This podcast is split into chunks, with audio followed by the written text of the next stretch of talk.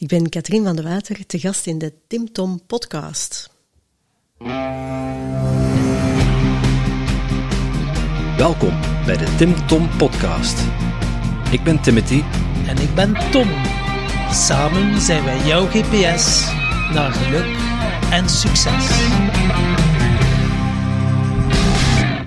Dag lieve luisteraar. Ik kan me zo maar voorstellen dat je tijdens het luisteren van deze podcast plotseling zin krijgt om van alles op te schrijven. Wat zou jij nu werkelijk willen met al die inspiratie en al die inspirerende gasten? Maar dat is nogthans helemaal niet nodig. Oeh, dat is niet nodig. Hé, hey, kan ik dat niet allemaal niet onthouden? Ze? En eh, wie gaat dat opschrijven voor mij? De kaboutertjes misschien?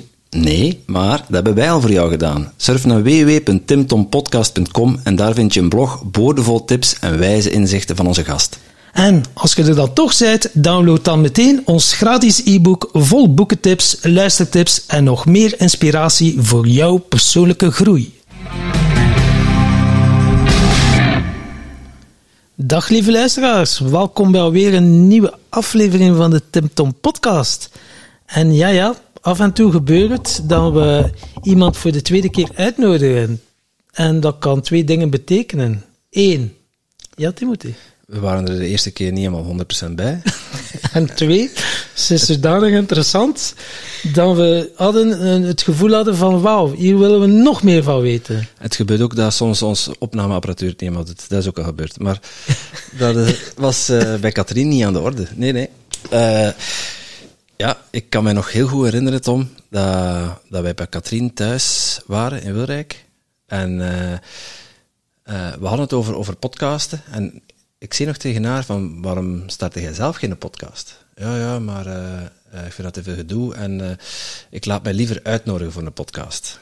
Maar Maar twee jaar later, is ze al een jaar onderweg met haar eigen podcast. ja, daar gaan we het sowieso over hebben. En ja, komen elkaar ook regelmatig een keer tegen op eh, events en evenementen. Dat is ook eh, eh, Andy Nijs, een vriend van de show, ja, die ze toch ook wel goed kent en begeleidt. Of ik weet niet wat dat ze precies met Andy eh, doet.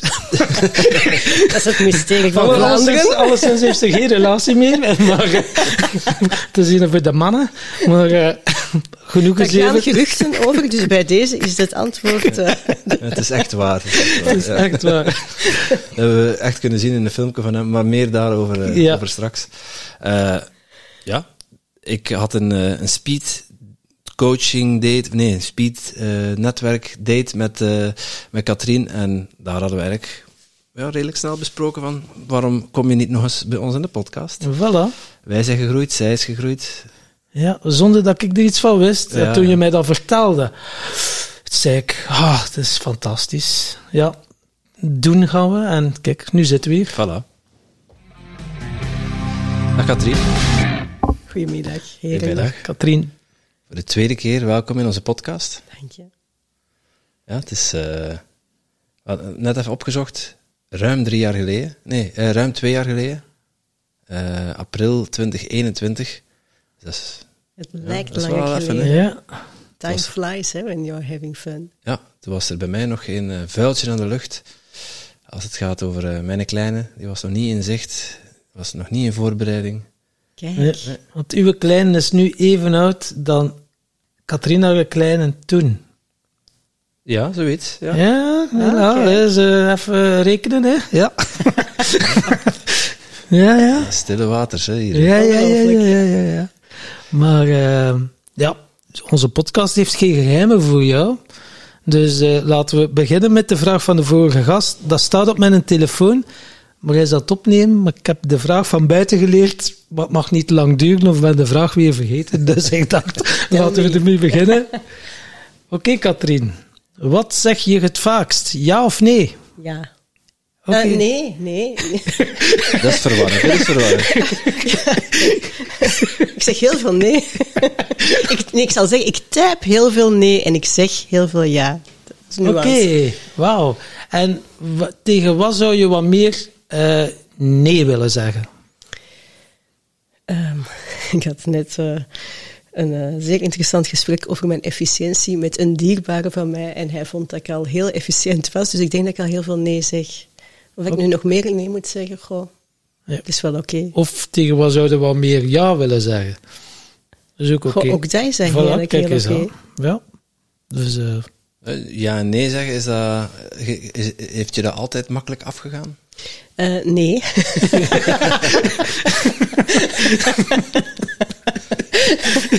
mijn burn-out op mijn 28ste heeft me daar heel erg bij geholpen. Want ik vond nee zeggen vroeger heel moeilijk. Dus mijn burn-out heeft mij heel erg geholpen. En het, ehm, het moederschap. Ik, ik heb een zoontje van 4,5. Ik ben alleenstaande moeder. En ja, als je dat. En ik wil ook heel veel tijd spenderen met mijn zoon. Dus ik pak ook alle schoolvakanties vrij. Dus dat is drie maanden en half. En dan pak ik meestal nog wat meer vrij samen. Dus vier maanden per jaar dat ik niet werk. Dat wil zeggen dat alles moet gebeuren in die acht maanden. En ik neem ook niet genoegen met doorsnee. Ik wil dan ook een ambitieus... Ik ben ambitieus en ik wil een succesvolle business uitbouwen. Dus die combi maakt dat ik toch wel heel efficiënt moet zijn en heel vaak nee moet zeggen. Ja, en dat heb je van je zoontje ook wel geleerd, denk ik. Nee zeggen. Ja? Allee, ik zit zo nu in die fase. maar dat betert. Absoluut. Bedoel, Ja, er is licht aan de horizon. ja. Het, je was toen, eh, denk ik, ja, nog geen twee jaar eh alleenstaand mama. Ja. Eh, ik kan me nog herinneren dat ik de een en ander voor jou voorbij heb zien komen, dat dat toch wel redelijk zwaar was. Dat is pittig. En nog steeds. Ik noem dat topsport. Hè. Dus die combi van en een bedrijf uitbouwen en ook nog en, en er kunnen zijn voor je kind. Wat dat is, het, hè, ja. En dat is voor mij een hele belangrijke. Ehm, want je kunt opvang regelen zoveel als dat je wilt, maar dat is ook niet mijn keuze om dat heel veel te doen. Dus niet bij, en ik heb wel een nanny die twee uur per dag komt. Maar voor de rest, eh, voor die schoolvakanties, om dan echt eh, quality time te hebben en de wereld te ontdekken. Dus ja, dat is topsport. ja. Die van ons gaan naar de crash, maar eh, jouw zoontje niet, die, die heeft dat Die nooit is gedaan? het eerste jaar dat hij geboren was, is hij drie uur per dag naar mijn schoonzus gegaan. En dan kon ik in die drie uur iets doen. Maar dat betekent ook toen, ik had toen net een huis gekocht met eh, allerlei verborgen gebreken. dus dat was ook gewoon eh puinruimen, letterlijk. Allee, ik bedoel niet letterlijk, maar eh, daar moest van alles in geregeld worden. Dus ja, dat, waren, dat zijn pittige jaren geweest, met zeer weinig slaap. ja. En hoe heb je daar de, de balans gevonden? Goh, corona is daar ook eh, een hulpmiddel in geweest. Dus in die zin, de wereld viel wat stil. Ja, mijn wereld was eigenlijk al heel erg zoals in corona. Want ik ben, mensen denken dan dat ik een heel flamboyant leven heb en, en, en heel veel weg ben. Maar ik ben eigenlijk, ik ben heel veel thuis. Dus ik ben misschien op een maand tijd twee avonden weg. En je zegt wel, we komen elkaar tegen op events. Maar ik kom Ja. op een jaar tijd eh, twee keer op een event. Dus ik kom niet veel buiten. En mis ik dat? Nee, dat, om, ik ben 48, dus ik heb ooit een zeer flamboyant leven gehad, waarbij ik elke avond weg was.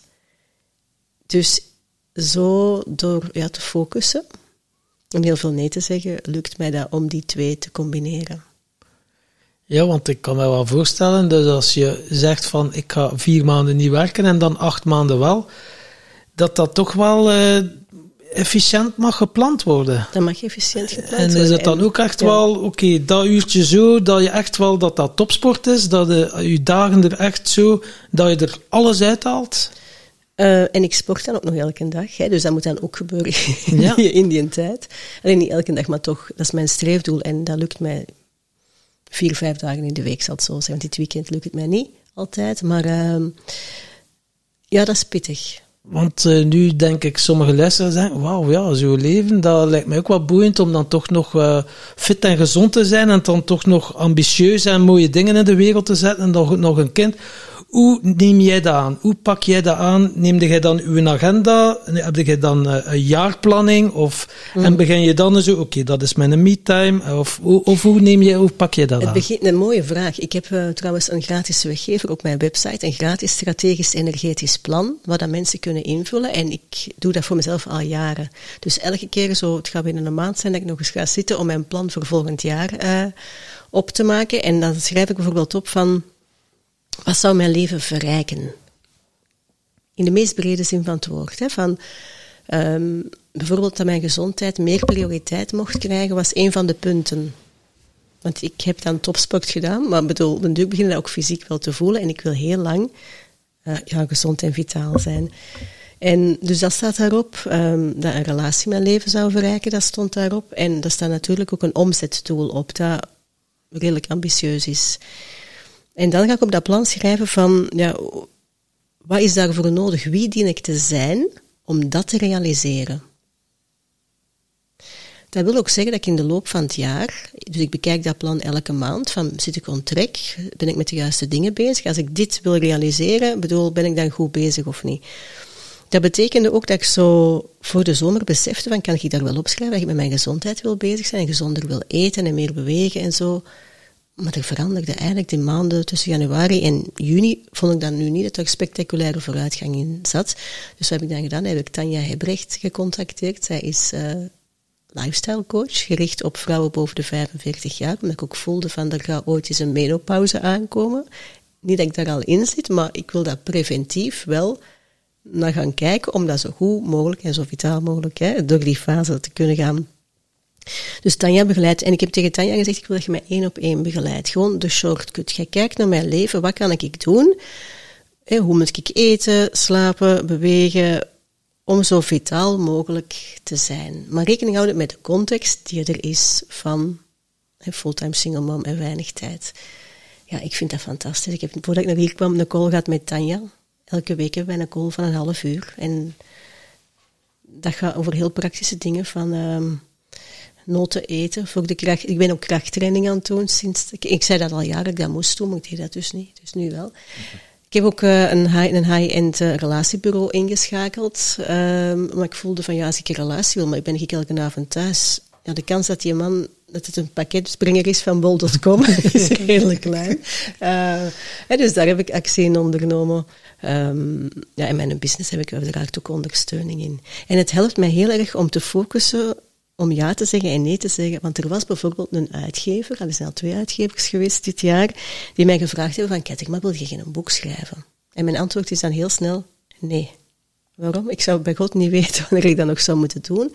En die een boek zou, gezien het plan wat er nu ligt, niet bijdragen aan die doelstellingen.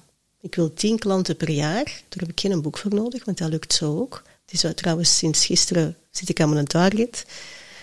Ja, en ik wil tijd voor mijn gezondheid en voor een relatie. Ja, dan moet ik niet een boek gaan schrijven. Oké, ja, ja, ja, het is echt wel heel duidelijk. Je gaat drie uh, punten nemen. Oké, dit jaar, daar gaat me op focussen. En dan, wie of wat heb ik ervoor nodig? En dan ga je terug, oké, wat wil ik dan staan? Binnen een maand of binnen zes maanden. En op die manier gaat eigenlijk al een volledige jaarplanning ontwerpen. Of, ah ja, dus in mijn hoofd is heel duidelijk van wat is, hoe wil ik op 31 december terugkijken naar dit jaar? Waar wil ik dan staan? Dat is nu niet dat ik, dat ik in detail alles ga inplannen, maar bijvoorbeeld de nanny, ja, die is gepland, dus dat ik tussen half vier en half zes kan sporten, ja, dat weet ik. Maar dat staat nu niet in mijn agenda. Ik bedoel, hè, dus ja. dat, ik, hè, dat ik tien podcasts wilde opnemen dit jaar, het is nu aan elf, um, ja, dat was ook wel gepland. Hè, dus als ik zeg ik wil er elke maand één, ja, dan weet ik dat ik niet moet denken, oei, de maand is gepasseerd, of, of het is bijna het eind van de maand, ik moet nu iemand gaan bellen. Hè? Dus daar... Mm dus, dus ik heb daar Tom voor. Ja. wel super. Ja, bij ons ligt de druk iets hoger om week Ja, ja natuurlijk. Maar heel veel respect hoor, voor jullie van dat elke week. Want dat is, ik, vind dat, ik vind dat fantastisch. Ik ben zeer blij daarmee, maar ik vind het ook wel intensief. Zeker, ja. Dus heel veel respect voor... Ik zou het ook niet kunnen missen. Want ik moet zeggen, als, als zo, we nemen ook af en toe eens een bulk op. En dan, uh, ja, door omstandigheden gebeurt er wel eens dat er een maand, twee maanden, soms heel uitzonderlijk een keer drie maanden geen podcast worden opgenomen. We kunnen dan wel blijven publiceren. Ja, ja, Maar uh, ik ben het dan wel te missen. Ik snap het. Ooit vroeg iemand mij van, stel dat je nog twee jaar of nog een jaar te leven wat zou je dan doen? En ik, ik zou blijven podcasten. Jullie? Ja, zeker. Ja, ja, al zal lekker nog maar eh, een week te leven. Ik zou nog een podcasten, want het heeft mij al zoveel dan opgeleverd. Dan gaan we een nieuwe, een nieuwe, zeg dat, een nieuwe reeks tot de laatste snik. ja, dat is echt wel, als we zien wat ons dat al heeft opgeleverd, en dan uh, bedoel ik niet op het financiële, want dat, dat is, dat is nog een andere zaak. Maar, uh, wat heeft dat jullie opgeleverd? Hm? Wat heeft dat jullie opgeleverd? De vriendschappen. Ja, verrijkt, hè. Zoals je net zegt, wat, wat, wat, wat heeft ons leven verrijkt? Ik denk dat... ja, vertel jij eerst, ja. Ja, vooral... Dat was de vraag nu, De, de, de vriendschappen en dan ook wat heeft ons verrijkt. ja, er zijn ook zoveel deuren op een manier opengegaan. En ook dingen die je dan graag mee zou willen ervaren of experimenteren. Ja, die kan je dan eerst gaan ervaren met iemand, een topper op dat vakgebied. En dan mag je er nog een keer over praten ook. En krijg je ook de kans om die persoon dan beter te leren kennen en daar een halve dag mee te spenderen. Bijvoorbeeld, ja, als je dan een Michael Pilar ziet, die is zo moeilijk bereikbaar, maar we hebben het toch klaargespeeld om er drie, drie uren mee te kunnen babbelen. En, en zelfs zodanig uh, dat hij ons ook zitten had, dat hij dan op zijn uh, Maximum Potential zelfs drie keer onze podcast heeft ver, vernoemd voor 2000 mensen. Dus dan heb je zoiets van, wauw, toch uh, hebben we wel een hoge gunfactor. Prachtig. En dat is inderdaad wel, ja, en zo hebben we heel veel mooie verhalen.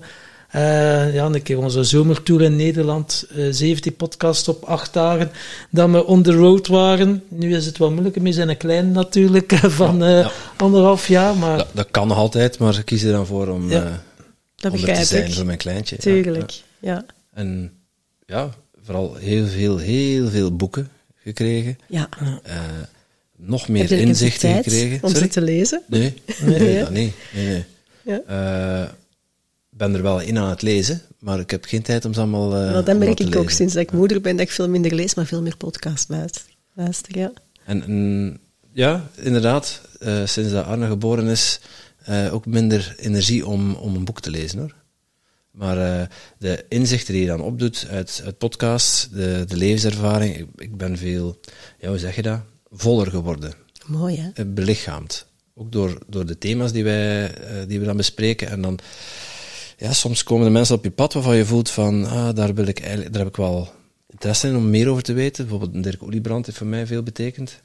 En er zijn er dus het is eigenlijk bijna zonde om uh, te zeggen van die of die of die, omdat dat, mm. dat je dan heel veel andere mensen tekort doet. Mm. Uh, denk aan een rijke opleiding. Uh, ja, het, is, het houdt niet op. En daarnaast dan ook nog eens dat je ziet wat, er, wat, de, wat dat betekent, wat wij doen met de podcast voor andere mensen. Wij hadden dat eigenlijk niet echt heel erg in de gaten. Zo dat eerste jaar, eerste anderhalf jaar, ja, mensen houden zich echt zo'n beetje afzijdig. Podcast luisteren kan heel 100% anoniem. Uh, we waren vervolgens ook niet echt zichtbaar op social media, dus we kregen wel heel af en toe een keer een mailtje, mm. maar ja, daar bleef het bij. Dat waren dan meestal de Nederlanders, want dat zijn dan degenen die, die van zich laten horen. De Vlamingen die houden zich liever wat op de achtergrond, wat, wat, ja, wat terughoudender. Uh, sinds dat we op social media wat te zien zijn, is dat wel wat toegenomen, die interactie. Maar dan nog hadden wij nog eigenlijk niet echt een heel erg helder beeld van wat dat betekent voor mensen. Mm. Totdat je die mensen in het echt begint te zien en daar eens één op één mee praat. En ja, dan ontstaat er opeens staat er een hele groep mensen om je heen. Heerlijk, dus community. Ja. ja. En ja. zo af en toe een keer een festival organiseren, helpt ook wel. ja. Ik kan het zeggen. En dan ontmoet je ze en dan hoor je de verhalen wel. Hè? Ja, dat is ongelooflijk. Maar het is al in vorige podcast aan bod gekomen, maar je kan je er ook dan zodanig intensief in gaan verliezen in die, uh, in die voorbereiding, dat je dan de dag zelf, spreek voor mezelf, volledig op adrenaline staat. En uiteindelijk, als je dan kijkt, heb je er nu eigenlijk van genoten? Voor wie of voor wat heb ik het gedaan? En, zoals uh, een trouw. Hè? Dat ze ja. zeggen, je moet een weddingplanner nemen, zodanig hè, dat je inderdaad de dag zelf nog kan... Ik ben nog nooit getrouwd, dus ik weet dat niet. Mag je dat wel laten vertellen? Van... Uh, dus ja, ik kan me voorstellen dat dat, oh, dat is... Ik heb ook gezien, ik heb jullie aftermovie gezien, hè, fantastisch. Maar dan zie je ook hoe professioneel dat aangepakt is. Dus, uh... Ja, dat, dat voor de buitenwereld was dat heel professioneel aangepakt. het zag er zo uit misschien. Ja. Dat opzicht zijn we geslaagd. Ja. Huh? Maar Nee, het is, maar dat was dat het is ook topsport. Hè? Het was inderdaad topsport. eh. we hebben er heel veel uit geleerd ook natuurlijk. En, eh, maar ja, dat is uiteindelijk ook een stukje ondernemerschap. En ja, heel veel dat ook naar boven is gekomen. Ja, door ehm, zaken die je laat sluimeren of zo, of dat je het niet te goed communiceert, waardoor dat je dan voor verrassingen komt te staan en dan denkt, oh maar ja, als je dan in de spiegel kijkt, dan denk je, ja, maar had ik het op die manier aangepakt en als het dingen zich stelden, niet het groter laten worden, maar het direct aannemen. Dus zo zijn er wel tal van zaken dat ik denk van wauw, oké, hier Het zou- ben ik dan wel het weer zou gek zijn moest ingegroeid. dat niet zijn. Hè? Maar dat een onderneming is toch gewoon alle dagen bijsturen. Hè? Ja. En Zeker, ook, ja, ja. De, de, Ik, ik heb het ook mogen ervaren, misschien Timothy iets minder, maar ook wel de angst van tekort. Zoals we sommigen al weten, we hebben wel een serieuze financiële kater aan overgehouden, Mm. waar we nu nog van aan het bekomen zijn. En dan is het wel makkelijk, hoort dat, in vertrouwen blijven staan. Ja, in ja, ja. vertrouwen, weet je, vertrouwen, het komt wel goed, het zal wel langs alle kanten komen. Maar je kunt er niet van onderuit. Ik schiet af en toe echt in die een angst zo van, oei shit jongen, we hebben nog 25.000 euro, maar dat is een miljoen Belgische frank. En dan moet ik echt eerlijk zeggen van, ja, dan denk ik van, wow, waar ben ik hier aan begonnen? Waar zijn wij hier aan begonnen?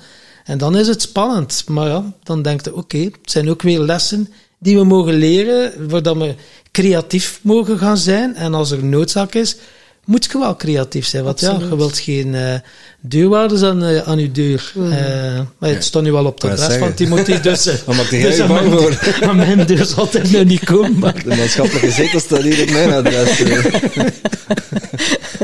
Dat is hier een groot huis, hier vallen wat te halen, gaat in de deur waar pijzen. Ik heb mijn briefbus al toegeplakt.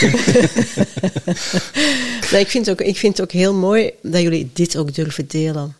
Want er wordt in ondernemerschap zoveel... eh ja, er is een kentering aan het komen, hè, dat er veel meer transparantie komt. Maar laten we dit ook gewoon delen. Laten we ook gewoon zeggen dat dit gewoon soms shit en kloten is. Mm. En dat soms... Allee, het is niet, ik, ik, ik gebruik heel vaak de woorden joy, ease, abundance, maar ik zeg ook soms, bij mij is het ook niet altijd joy, ease en abundance. En ik vind zo die authenticiteit daarin, dat maakt het toch allemaal wel wat ja, menselijker. Ja. En ook dat kunnen we naar, naar onszelf ook milder gaan kijken van, en dan kun je ook hulp ontvangen. Ik bedoel, door het feit dat jullie dat gecommuniceerd hebben, heb ik jullie ook aangeboden van ik wil straks na dit gesprek met jullie gewoon ook eens kijken van hoe, hè, hoe- ik weet niet meer, ik weet niet of ik een oplossing heb, hè, maar gewoon dat we samen er eens over, als je daar niet over praat, kun, kan niemand ook niet mee denken of mee helpen. Hè? Nee, dat is zo. En, en, en de hulpvraag eh, durven stellen eh, heeft ons ook wel al wat opgeleverd. Zonder dat we daar, hè, want het is niet de intentie om, om zielig te doen, of de Nee, intentie om. eh, ik denk dat mensen dat ook wel voelen. Eh, maar dan krijg je die, ja, ook als je niet effectief zo om hulp vraagt, maar gewoon door het authentiek te delen, bieden mensen zichzelf al aan om, om te helpen. Dat is de gunfactor. hè. Ja, er zijn er een paar bij, ik wil jullie wel helpen om als podcastgast op te treden. Daar trappen we niet in. Leuk geprobeerd. Ja. Maar eh, eh, ook heel veel mensen die oprecht ja, een handje willen bijsteken of die iets voor ons willen doen. Dat is heel mooi. Want ja, wij, ja, alles wat wij doen, doen wij met vrijwilligers. En eh, wij hebben ook altijd heel lang vrijwillig gedaan. En soms mag de oogsttijd aanbreken. Hè? Ja, ja. Dus Voilà. inderdaad, na vier jaar en een half heb je zoiets van, nou, als je dan terugkijkt, onbetaalbaar wat dat we allemaal hebben gekregen, maar ja, op de bankrekening of zo is er heel veel tijd, energie, maar ja, tenslotte, het is begonnen als hobby, we hebben ons altijd enorm goed geamuseerd, maar ja, het is ook niet de bedoeling dat je dan van En het geld altijd, hè. Ja. dat je inderdaad verdient dat, je- dat je ja, schulden moet afbetalen. Dus dat, dat kan het ook niet de bedoeling zijn. En zeker zo'n festival, dat is dan één dag. Je bent er dan zes maanden dag in dag uit mee bezig. Om dan, dan op het einde zo te zeggen van, oh, ja. Maar ja, hand ook in eigen boezem steken. Als ik nu zie, wel, dat ik zeg, wow, hier, ja, dat, dat. Dus je komt wel tot besef van, hmm, oké, we hadden hier wel, eh, ja, veel te leren. Ja. Dus, eh, maar jij begeleidt ook ondernemers, zijn dat dan ook ondernemers eh, zoals wij, die het dan bijvoorbeeld die, die dan mee, mee een gat zitten van ja, ik heb hier toch niet het. ja. Katrien denkt, waar hebben jullie het over? Dat is één klant. Ehm, ik zal zeggen wie dat ik... En dus mijn, mijn doelgroep zijn coaches, trainers, consultants met een omzet vanaf 150.000 euro. Bovenal of onder? Plus, in de plus. Dat is geen harde eis. Hè. Dus ik, ga, ik kijk altijd naar het totaalplaatje, naar het potentieel en naar de ambitie. Als iemand bijvoorbeeld op 100 zit en die wil naar 120, dan zeg ik, dat moet er niet bij mij zijn. Dat is, ik wil echt mensen die zeggen van, wij willen in die, in die league zitten van, van de experten, de, de nummer één in de markt zijn. Vlaanderen, eh, Nederland, dus ik begeleid enkel in het Nederlands. Eh, maar dus echt ja, de strevers van de klas. En dat wil niet zeggen dat dat mensen met een diploma moeten zijn, want ik I'm totally not impressed door diploma's. Maar wel zo die, die een drive hebben van, van wij willen hier echt, ja, ook in dat hogere segment. Hè. Dus ik ben high-end business mentor, want in elke markt heb je drie segmenten. Een lager segment, een middensegment en een hoger segment. En mensen zeggen soms, ja, wat is dat? Ik zeg, je kent dat van de auto's of je kent dat van de restaurants. Hè. Als je kijkt naar restaurants, je kunt gaan eten in de Kwik en je kunt gaan eten in het Zilte. Dus hoe kun jij, of een handtas kun je in een HEMA kopen of je kunt een Delvo kopen. Hoe kun jij in die coachingsmarkt of met je kennis zien dat je bij wijze van spreken de Delvo wordt van je markt. Waardoor dat mensen, en 10 à 20 procent van de markt is bereid om veel geld te betalen voor kwaliteit. Dat is eigenlijk wat ik mijn klanten leer. Van die, dus zij moeten al voelen van ja, dat spreekt mij aan. Ik wil, ik wil in, de, in dat segment gaan opereren. Niet iedereen vindt dat fijn. Het is ook niet als je kiest voor een high, en dat, dat denken mensen soms, als je kiest om je zo te positioneren, dat je zelf op alle terreinen van je leven high-end moet gaan uitgeven. Dat hoeft dus niet. Ik zeg nu, mijn zoon draagt nu geen pampers niet meer. Maar de tijd dat je pampers droeg, hij stelde voor op 4,5. Nee, nee. uh, mijn, ik zeg altijd van, kijk, ik kocht mijn pampers ook in de Lidl. Dus dat is niet dat je dan ineens op alle terreinen, of dat ik alle dagen caviar eet, of wat dan ook. Ik bedoel, dat wordt zo gedacht van, nou, als ik kies voor dat segment, ja, dan moet ik... Uh, ik heb geen Delvo-handtas, ik rij niet met een Ferrari. Dus het gaat wel over een leven volgens jouw waarden en op jouw voorwaarden. Dat je de dingen die voor u belangrijk zijn, dat je daar wel inderdaad geld aan uitgeeft, maar dat is voor iedereen anders. En dat is ook een keuze voor jezelf van wil, wil ik opereren in dat hogere segment? Persoonlijk vind ik dat dat makkelijker is, want je hebt veel minder concurrentie. Alleen makkelijker genuanceerd. Hè. Je hebt veel minder concurrentie. Wat is daar moeilijk aan? Je ego mag niet te groot zijn. En dat vinden heel veel mensen, oh, je moet toch niet een heel groot ego hebben om je daar te profileren of te positioneren. Maar je ego moet daar tegen kunnen dat je heel veel nee gaat krijgen. Als je de duurste wordt in je markt, dan heb je niet bij elke sales call dat iemand zegt, ja, ja, ik wil starten. Of je hebt geen tien aanvragen per dag niet meer. Ik kom uit een massabusiness. Ik heb een loopbaanbegeleidingsbedrijf waar we met de loopbaanchecks werkten. 80 euro, 8 uur coaching. Elke dag hadden wij... Ik had een team van 16 coaches, dus dat was redelijk uitgebreid. Elke dag zaten er aanvragen van klanten in die mailbox. Want dat was goed voor mijn ego. Hè? Die een webinar knal, 30 klanten erbij. Ik bedoel, nu, ik ga heel transparant zijn. Ik had in, in ja, juli en augustus heb ik niet gewerkt, ben ik ook niet online geweest. Ik had ene klant die in juli, waar ik al eerder contact mee had, maar september, oktober, 0 euro omzet. Hè? Dus augustus 0 euro, september 0 euro, oktober 0 euro. Daar moet je tegen kunnen. Ik was dat niet gewoon vanuit mijn massabusiness, was ik dat niet gewoon. Natuurlijk, ik heb een 50.000 en een 100.000 euro programma. Ik bedoel, daar zijn, daar zijn nu intussen twee mensen van gestart deze maand. Dus dat is ineens ja, als, het, als je dan een klant hebt, is het gelijk. Dan is het in, maar dus dat, dat, moet, dat moeten mee kunnen handelen, emotioneel, dat het verschil tussen ja en nee zeer groot is. En dan is het interessant dat je je zo kunt managen, dat je in elk salesgesprek unattached bent. Dus dat ik heel zuiver ga kijken, ben ik de juiste, ben ik de allerbeste oplossing voor wat die persoon nu staat, waar hij naartoe wil. En dat maakt het moeilijk. Alleen, ik bedoel, ik vind dat nu niet meer, ik heb dat nooit moeilijk gevonden, maar dat maakt het complexer dan, dan hè, bedoel, een loopbaancheck van 80 euro. En met alle respect voor mensen die dat doen, ik wil maar zeggen, want het is, het is gewoon... Dat is ook heel nuttig werk, hè? Ja. Absoluut. Ik, heb geen, ik bedoel, laat dat duidelijk zijn, uh, dat ik daar helemaal geen minachting heb. Ik ben zeer blij dat ik daar heel mooi werk in heb mogen doen. Maar het is gewoon een andere tak van sport om te ondernemen in dat hogere segment. En het vraagt heel andere vaardigheden, maar vooral ook een heel andere mindset. En dat is wat ik mensen in meeneem gedurende een heel jaar van hoe, hoe doet het dat nu en hoe gaat het daarmee om in de ups en in de lows. Dus dan vooral de, de mindset waar dat je dan uh, naar gaat kijken om... De combi, het, is, het, ja, het zijn 20% andere vaardigheden, dus het is soms echt fundamenteel anders dan wat ze altijd geleerd hebben. Bijvoorbeeld een contactformulier in de massabusiness, die stelt niet te veel vragen, maak het zo laagdrempelig mogelijk. Als je gaat kijken naar mijn website, ja, ik ga heel veel vragen stellen en ik ga heel selectief zijn met wie dat ik in gesprek ga. En waarom doe ik dat? Als ik daar, dus daar zeg ik heel veel nee.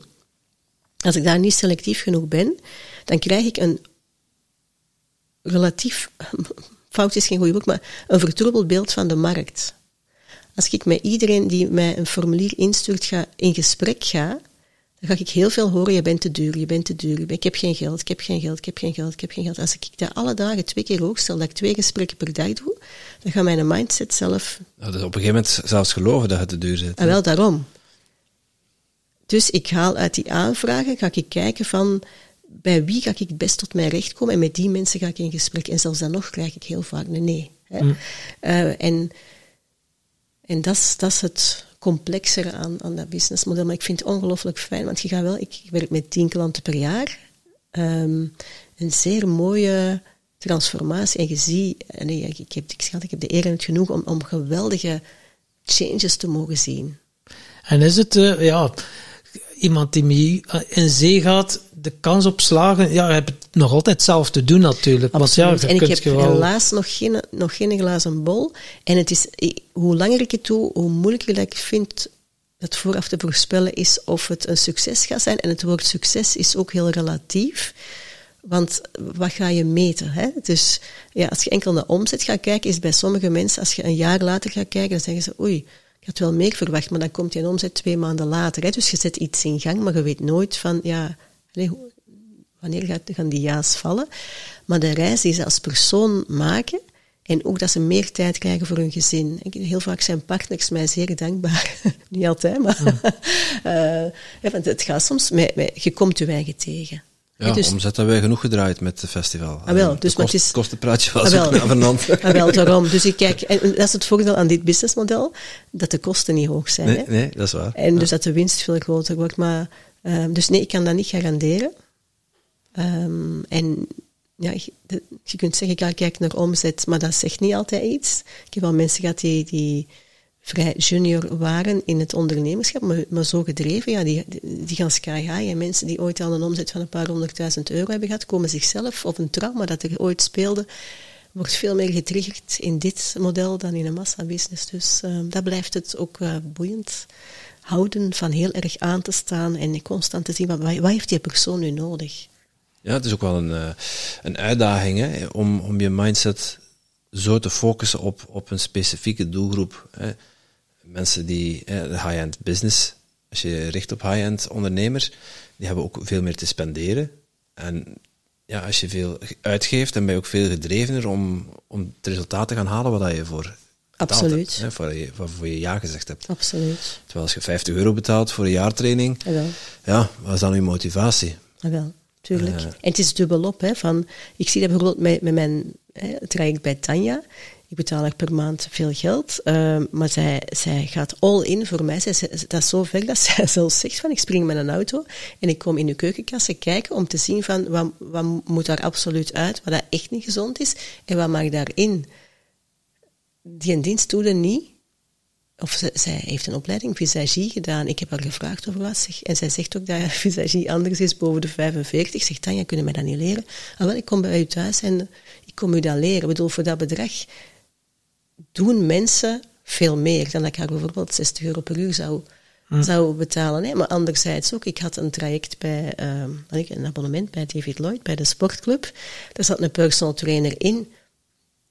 Ik liet dan eens een schema maken, één keer per jaar, en daar bleef het bij. Ik heb dat nooit gedaan. Dus dat commitment, als je een grote investering doet, van zowel de klant als de coach, is veel groter, waardoor de kans natuurlijk veel groter is dat er resultaat komt. Ja, ja, op slagen. Ja, wat, ja, wel niet weten, al die online trainingen die je dan koopt voor een tientje of ja. Maar zelfs, ik heb ooit, zelfs voor, voor 12.000 dollar, een online programma gekocht in een tijd dat ik mijn vorige bedrijf aan het verkopen was.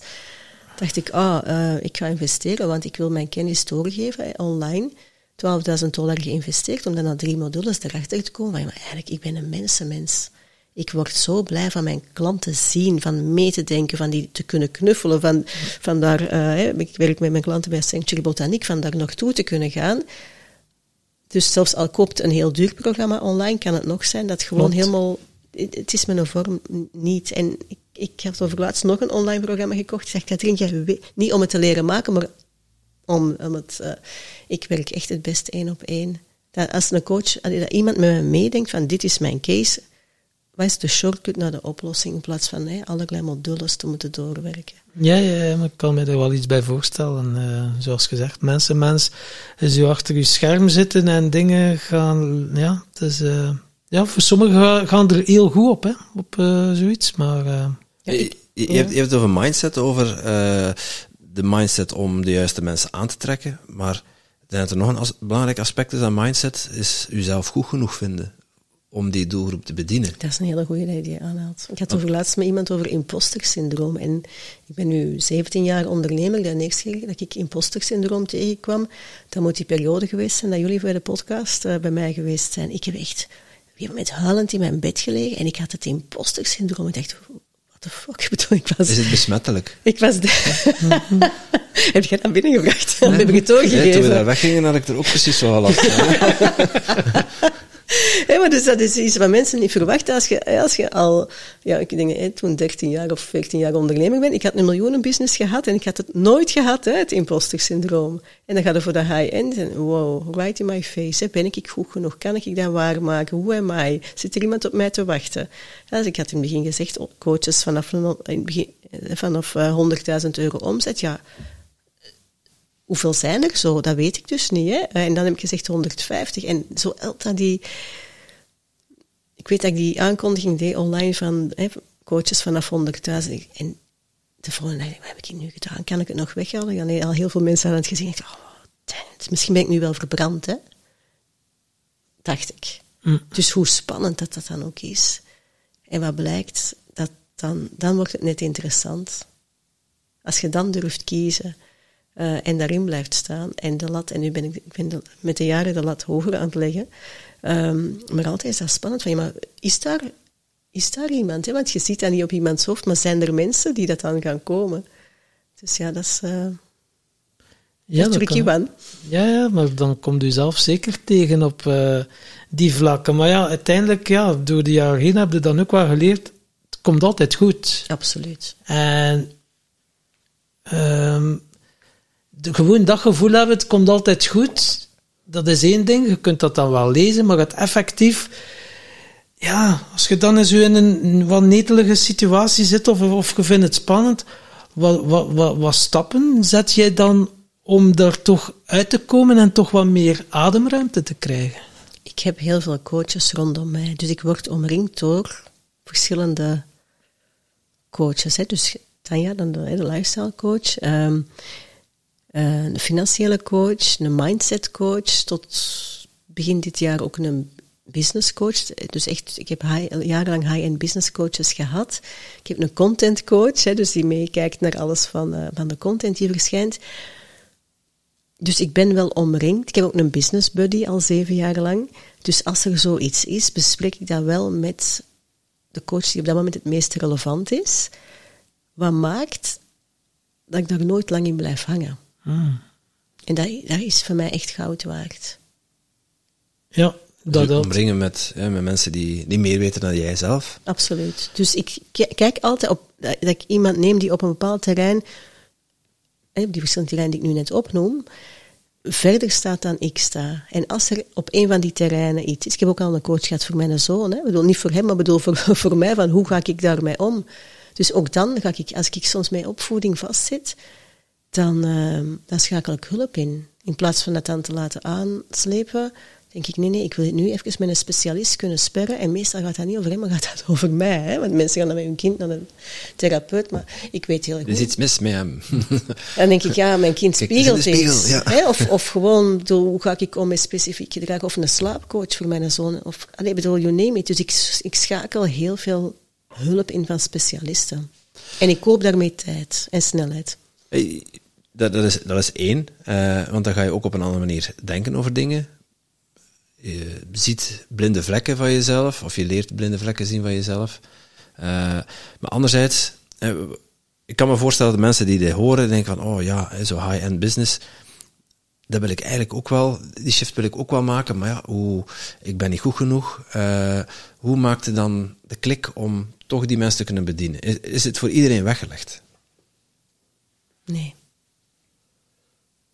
Nee, ik bedoel, ik had liever kunnen gezegd ja. Mm uh, nee. We houden van um, raw real, dus... Uh. Um, het is nu... nu ik moet zien wat ik ga zeggen. Ik ben, ik ben nog alle dagen aan het zoeken naar deze vraag. En het antwoord en de nuancering in mijn antwoord op deze vraag. Um, je moet, allee, je moet behoorlijk intelligent zijn om wat je bij de high-end business model gaat doen, is heel de tijd voor ogen houden wat is er minimaal nodig voor maximale transformatie bij de klant. Veel van mijn klanten zijn hoogbegaafd, weten het niet altijd zelf. Bedoel, en ik merk dat die, dat die manier van denken zo, dus je gaat heel erg resultaatgericht kijken. Dus, dus je moet ten eerste je vak heel goed kennen en dan ook het, het redeneervermogen kunnen toepassen van heel de tijd naar efficiëntie te gaan kijken. En ik zeg, bedoel, het gaat niet over IQ, hè, maar, maar bedoel, je moet wel een bepaalde mentale capaciteit hebben om zo te kunnen kijken. En heel de tijd naar uw business gaan, zoals naar een machine gaan kijken, wat kan er anders, wat kan er beter.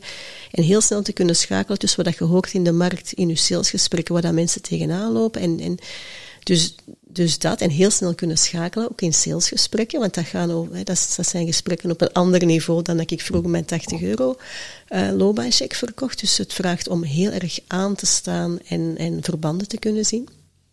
Dat is één ding. Eh, je moet de mentaliteit hebben van een topsporter, van niet direct op te geven. Hm. Want als jij vijf nee's hebt gehad, bedoel, die zesde, zesde gesprek, hoe, how do you show up? Hè? Dus dat, u, uzelf kunnen managen, gefocust kunnen blijven. Ehm, dus dat, het moet ook passen bij uw persoonlijkheid om, om ja, u zo te durven zichtbaar maken dat je daar gaat staan. En een klant van mij zei, ik heb mij gewoon letterlijk buiten de markt geprijsd. Niet dat ze haar bedrijf failliet is, hè, helemaal niet, maar ze zegt van, de, van daar te durven gaan staan, dat je gewoon substantieel zoveel duurder bent dan wat er in de markt is, dat vraagt wel... Je, nee, moet ik dat zeggen? Van, dat vraagt wel, ja, moed, sowieso, hè. Om je hoofd boven het maaiveld uit te steken. En natuurlijk, niet iedereen vindt dat sympathiek. Als je nog heel erg zit van, ja, de buitenwereld moet mij aardig vinden en goedkeuring van Kritiek anderen, en de, ja, ja. Dan, dan moet je er vooral niet aan beginnen. Ja, je moet wel wat kunnen verdragen. En eh, ja, ik kan mij zo wel voorstellen, ja, omhoog gevallen, up, uh, up, up, Nu, het voordeel is dat je dat meestal niet hoort. Zeg, dat, is, niet- dat is niet de reden dat ik niet veel buiten kom. Ja. Hè, eh, Ja, ik wil zeggen, maar ze komt, ik wou ze, hem komt, net ze, maken. komt, ze komt niet buiten, want ze durft dat niet uit. Nee. Ehm, er is al sowieso, ik weet, ik bedoel dat weten, maar dat hadden we- ik had dat met een massabusiness ook. Er werd ook over mij gesproken, maar dat is over mij, maar ik hoor dat zelf niet, want ik ben daar niet bij, dus ik heb er ook geen last van.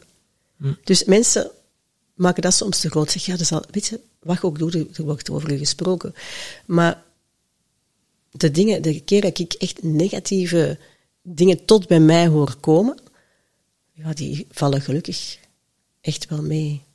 En daar leer je ook mee omgaan. Ja, ik kan dan altijd kijken van, ja, wie zegt dat? Zeer vaak komt dat van niet succesvolle mensen. Dus dan, dan denk ik, oké, fijn.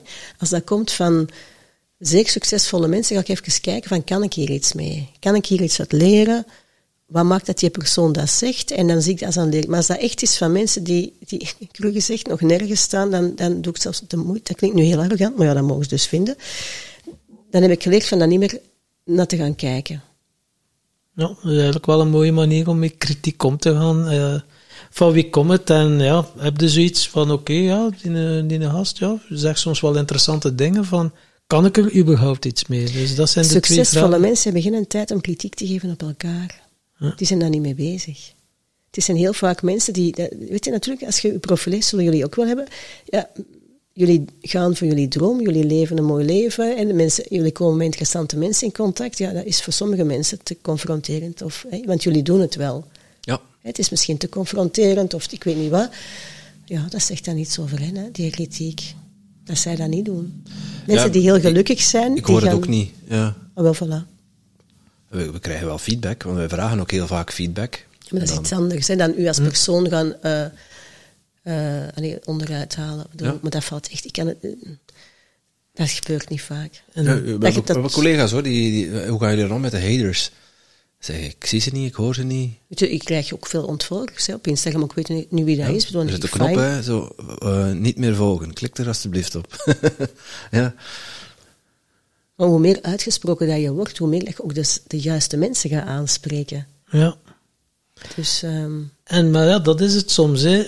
Eerst eh, gaan ontdekken, wie ben je nu werkelijk zelf? Hè? Wat, wat past er hier bij mij? Maar dan kan het ook spannend zijn, dan kan het ook eens iets zijn. Ja, als het uit die comfortzone ligt, zo van, oei, maar ja, dat ben ik niet. Dus dat je al snel gaat zeggen van, oh, maar dat ga ik niet aangaan. Eh, Mm. en, eh, Dat is een reis, hè. wie ben ik? bedoel, en, en we evolueren allemaal als mens, dus dat, dat is ook niet, niks statisch. Hè? nee, klopt. Een reis zonder bestemming misschien wel, hè? Tja.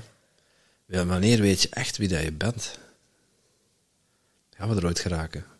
Het een interessante vraag, hoor. Ja. Daarom vind ik het ook zo fijn om mezelf dikwijls in andere contexten te plaatsen. hè. Dus daarom wil ik ook heel graag moeder worden. Maar ik denk van, dat is nu nog zo'n fundamentele rol in het leven. Ja, wie ga ik zijn als moeder?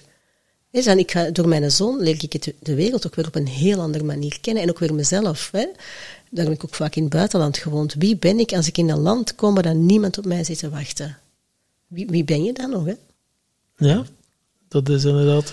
En, en die, die, die vraag, zij- wij zijn heel veel bezig met persoonlijke ontwikkeling. Dat is een beetje, net als podcasten, onze, ehm, ja, onze passie, onze, onze verslaving, onze gezonde verslaving, zo mag ik het wel noemen.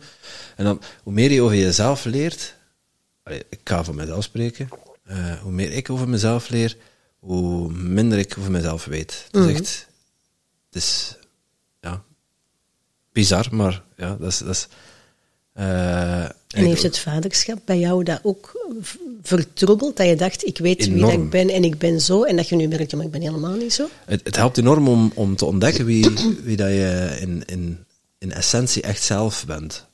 En vooral eh, die spiegels die je dan krijgt. En dan mijn ouders leven nog gelukkig. Eh, en ik zie dan ook heel veel patronen. En dan, door, door veel met persoonlijke ontwikkeling bezig te zijn, kun je er ook van op een andere manier naar kijken. Maar er zijn heel veel patronen bij mijzelf die niet van mij zijn. En eh, de jonge kleinen hebben, triggert die patronen wel. Tuurlijk. Dus dat wordt heel, heel, heel erg uitvergroot, heel erg zichtbaar. Dan denk ik van, oh, wacht, dat is niet van mij, dat is van mijn, van mijn vader. Of dat hoort meer bij mijn moeder thuis. Eh, dat je toch bepaalde dingen ge- ja, geconditioneerd, eh, op bepaalde vlak geconditioneerd bent. En dat dat op een bepaalde manier getriggerd wordt en naar buiten komt. Ja, dus dat, dat maakt het wel heel zichtbaar. Maar dat doet mij wel twijfelen van, oei, maar ik heb altijd zo gedaan. Van, maar wat, wat is dan van mij? Ja, dat is een Absoluut. continue zoektocht. Ja, Dus eh, ik, zal u, ik zal u opbellen als ik het weet. eh. nieuwe podcastnummer. Ja. Zoveel. Kijk, de podcast 523. Ja, Katrien, ik weet het. ja. Nee, ik had dat bijvoorbeeld ook met praktische, stomme dingen. Hè, maar ik ging op een gegeven moment hè, dan daten. Ja, en dan moeten vertellen wie dat je bent. En ik had eh, vroeger veel gedate, voordat ik moeder werd. En dan moeten zo, ja, uw typische dingen. En ik, ik ben altijd heel sportief geweest. Ik heb een racefiets gehad. En ik was dus een wielrenner vroeger. Maar ik heb die fiets verkocht toen mijn zoon geboren is. Ik heb nu zo'n moederfiets met een bak. Alleen niet zo'n zo'n hele lange, maar ik bedoel een gewone kleine bak en een kinderzitje. Dus eigenlijk was dat voor mij een mooie metafoor van mijn race. Ik was hè, een coureur. Ehm, en dus heb ik een moederfiets. Ik bedoel, maar die metafoor staat eigenlijk voor heel veel. Want ik was vroeger continu onderweg. Ik leefde uit mijn koffer. Ik woonde in het buitenland en elke maand was ik één week in België. Maar ik leefde, cru gezegd, uit dat koffer, een handbagagekoffertje. Hè. En ik trok eh, overal. Ja, en nu ben ik nog wel heel veel onderweg, maar enkel in de schoolvakanties. Maar voor de rest ben ik elke avond thuis. Dus, en dan zo, maar- wie ben ik nu? Ja, ik ben dat allemaal. Ik ga heel graag goed eten in, in goed restaurants, maar ik kan ook heel graag picknicken. That's all me. En, en dat is natuurlijk heel boeiend om dat hele veld te kunnen ja, bewonen, beleven. Maar mensen snappen het dan niet, want ze willen nu in een hokje stoppen. Dus als ze dan denken, ja, nu snappen hoe dat is, dan zeg ik iets en dan blijkt dat, oei, maar dat- nee, dat klopt niet. Ja, ja, En dan, ja, eh, ja, dat is dan ook weer de, de veelzijdigheid. eh, ja, het is ervaren. Het leven is uiteindelijk dingen gaan ervaren. En eh, ja, je kan er wel over lezen en je kan het wel zo, ah ja, tof, of erover fantaseren of zo. Maar het is toch nog iets anders dan het daadwerkelijk de ervaring. eh, Absoluut. want dan pas voelde dat je leeft. Mhm. En, eh, En dat vind ik zo het mooie aan ouder worden, dat je zoveel meer, zo dat palet wordt veel rijker. Hè? mhm. Je hebt al zoveel dingen meegemaakt, ook hè, met dood en, en ook hè, en, en ja, dat dat allemaal meer schakering krijgt en meer kleur van, door de ervaringen die je, die je hebt. En, en over ervaring gesproken, je was bij ons al een keer eerder te gast in onze podcast. En toen hadden we het over eh, het, het opstarten van een podcast. We zijn het in de introductiegesprek Ah, net al. Ik was dat dus vergeten, dus dank je Ja, wel om dat ja, zaadje ja, te ja. planten. Hè?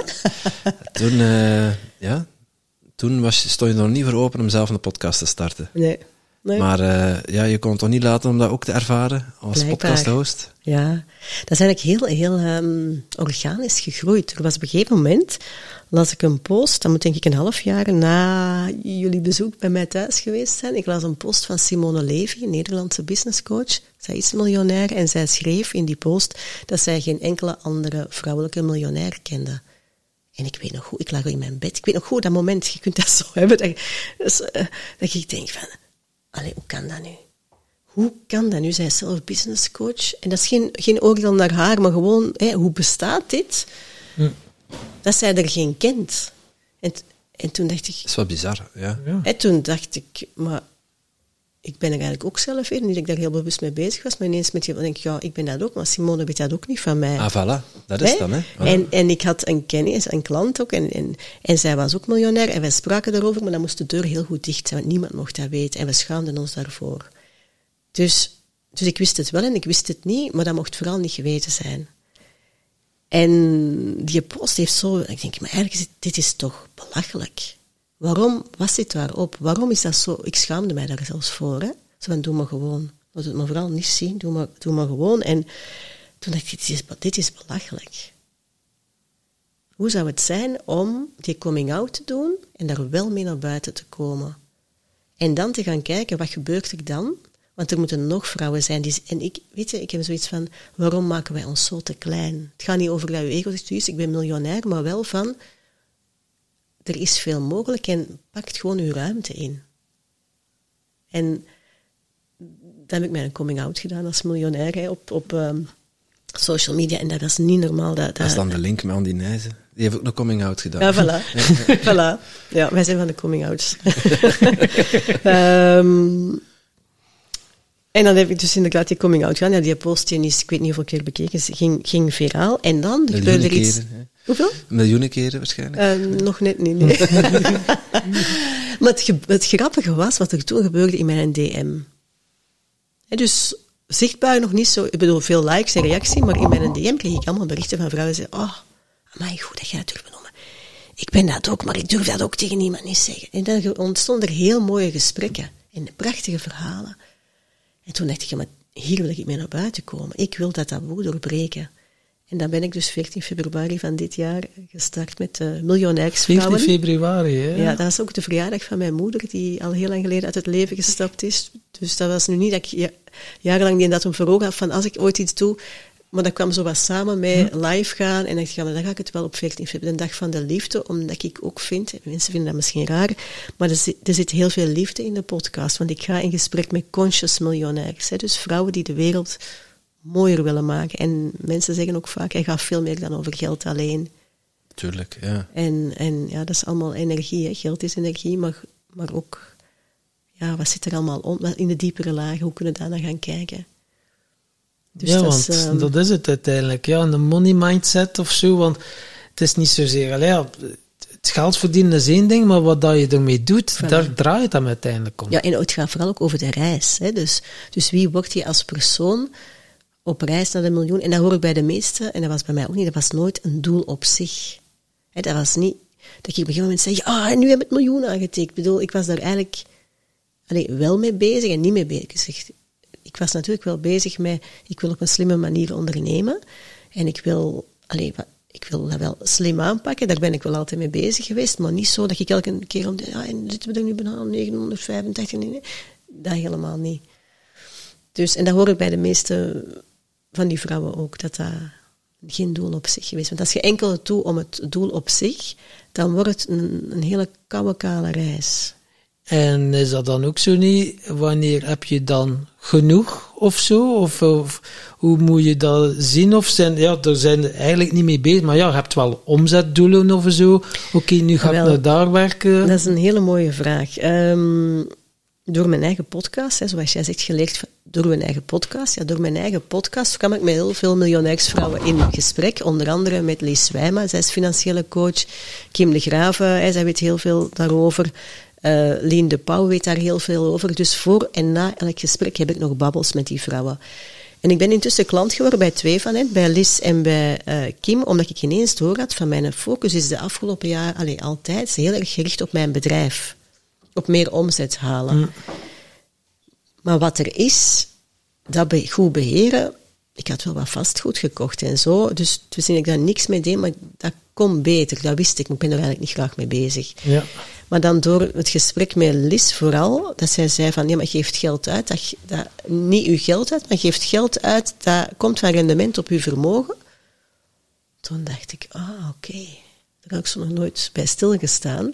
En dan ben ik klant geworden bij Lis en de eerste oefening is, breng eens in kaart wat er allemaal is. Dat heb ik ook nog nooit gedaan, dus zeer boeiend. En dan is het dan goed, en hoe wil je leven? En hoeveel heb je nodig? En dan door die oefening te doen, bleek dat ik eigenlijk, en ik wist dat eigenlijk al wel, maar, maar ook weer niet, ik, als ik dat goed beheer, hoef ik niet meer te werken. Dat is natuurlijk een fijn gevoel. Hè, van dat dan niet, nu, ik werk kei graag en ik ben niet gemaakt om niks te doen, maar... Zegt degene die tien klanten op een jaar doet, hè? Ja. Ja, met heel veel plezier. Um, en ook nog keihard werk zijn, acht maanden per jaar. Nog, ja, ja, ja. Maar dus mijn eigen podcast heeft mij daar wel in, uh, in, in anders doen kijken. In plaats van, ik ga gewoon transparant zijn, mijn omzetdoel per jaar is 500.000. dus ik heb dat vorig jaar gehaald, ik heb dat nu gehaald. Maar als je business coach bent en jezelf laat coachen, is de neiging altijd van, oh, van 500 naar 57 naar miljoen naar anderhalf miljoen. En ik heb vorig jaar 500 gehad, ik heb dit jaar 500 gehaald. En ik heb zoiets, genoeg is genoeg. En volgend jaar gaat dat misschien zelfs lager zijn omdat er andere plannen zijn, maar daar kan ik nu nog niks over zeggen. Maar misschien is het volgend jaar wel eens een tijd om, om een stap terug te doen en nog maar vijf klanten per jaar te begeleiden en wel die een boek te gaan schrijven. Mhm. dus dat, dat zijn dingen die ik de volgende weken ga bekijken. Um, ook omdat de rest goed geregeld is. Ja. Dus dat, dat dat vermogen goed beheerd wordt. En dat, dus zo, uh, ja, less is more. Ik bedoel, dus niet tomeloos van, oh, nog eens een miljoenenbedrijf. Nee, ik bedoel, dat zou meer van hetzelfde zijn en daarin ligt de verrijking voor mij totaal niet. Ja, en dat zal ook wel meer stress bij gepaard gaan, constant, of... Um, dat is waarschijnlijk wel, maar dan denk ik, ja, daar zit voor mij, weet je, daar, daar zit geen, toe, geen verrijk, ik bedoel, geld, geldelijk wel, maar daar zit geen verrijking van mijn leven in, mm -hmm. cru gezegd. Ik kan dan een goede doelen gaan geven en zo, maar dan denk ik, nee, um, het gaat bij mij over de experiences, de ervaringen die ik mag doen. Voor mij is mijn podcast ook echt een legacy, dus dat kost mij geld. Hè. Dat weten jullie ook van een podcast maken, dat kost tijd en geld. Yep. Hè, dus energie, dat is ja. en Tijd, energie. energie, geld, ja, ja, Absoluut. alles, ja. Dus ik doe dat met veel plezier, dat is mijn legacy. Um, hij opent ook heel veel deuren, dus ik bekijk dat veel breder. Maar ik wil maar zeggen, van, er zijn in het leven nog zoveel andere dingen dan alleen maar eenzijdig altijd op business, business, business te focussen. Dus dat antwoord op jouw vraag, altijd meer, meer, meer. Nee, less is more. Ja, mooi. Maar ik liet het nu even vallen. Zo stress. Heb je soms stress en hoe ga je er dan mee om? Want... Ik, heb de af... ik ga eerlijk zijn, want ik hou van eerlijkheid. Ik heb um, de afgelopen maanden en vooral weken. Dat event van Andy Nijs was voor mij ook stress. Bedoel, ik ben heel blij dat ik dat gedaan jullie waren daar. Ik was host op dat event. Ik heb dat met veel plezier gedaan, maar dat was voor het eerst dat ik zoiets deed en dat was in het Engels. Dat gaf mij stress, waarom? Omdat dat in het Engels was. En ten tweede, host zijn is heel anders dan geïnterviewd worden. Als jullie mij interviewen, zoals vandaag, heb ik totaal geen stress. Maar als ik host ben, moet ik heel de tijd alles aan elkaar brengen. En ik wist niet vooraf heel goed wie gaat wat doen. Beetje zoals onze podcast eigenlijk. Hè, bedoel, ja. Ik heb er geen controle op. Hè. Ik ben ja. niet controle. Bedoel, maar dat vind ik dus nu in zo'n gesprek, weet ik ook niet wat jullie... Maar dat, maar dat maakt me niet uit, want dat is... Wij ook niet. Dus dat, dat is wederzijds, ja. Dat, hè? dus, dus ik had stress van dat event. Ik bedoel, ik ben heel veel in het buitenland geweest de afgelopen tijd. Ik heb gewoon verwacht... Uh, uh, mijn appartement op Ibiza verkocht. Maar dat kwam allemaal zo last minute. Dus dan moest ik constant gaan vliegen, alleen met mijn zoon en onderweg en zo. Dus, dus ik heb wel wat stress gehad. En ik had vorige week, of twee weken geleden, een mailtje naar mijn mailinglijst, die niet zo groot is. Ik heb 1700 uh, volgers. Ik had een mailtje gestuurd, twee, twee zinnen. Er is dit jaar nog plaats voor twee mensen in mijn jaarmentorship. Heb je interesse? Groete Katrien. Er zijn 90 reacties opgekomen. Dus ik heb 90 mensen persoonlijk geantwoord, maar niet alleen van hier is de link, maar echt gaan kijken op hun LinkedIn-profiel. Wie is dat? Dus echt had ik de tijd voor genomen. Dat was een pittige. Maar dat was ook mijn keuze om even, ja, dat is ook wel mijn commitment aan mijn volgers, van oké, als jij de moeite doet om te antwoorden, dan doe ik ook de moeite om terug te antwoorden. Maar dat, als mensen het tijdstip bekijken van het mailtje, hoe laat dat gestuurd is, zou het eens kunnen dat uh, redelijk laat s'avonds was. En als het dan toch ja, die stress even de overal wat doe je dan? Uh, wat zijn dus uw strategieën? Verdoven, vluchten, bevriezen? Um, normaal gaat dat goed, maar mijn nanny was dan ook nog een week ziek. En ik moest dan onverwachts nog een week naar het buitenland, hè, voor de notaris.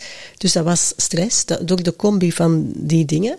Wat doe ik dan? Um, ja, als mijn nanny ziek valt, dan valt mijn sportmoment weg en dan kom ik in het rood. Dus als ik kan sporten elke dag, dan kan ik dat handelen.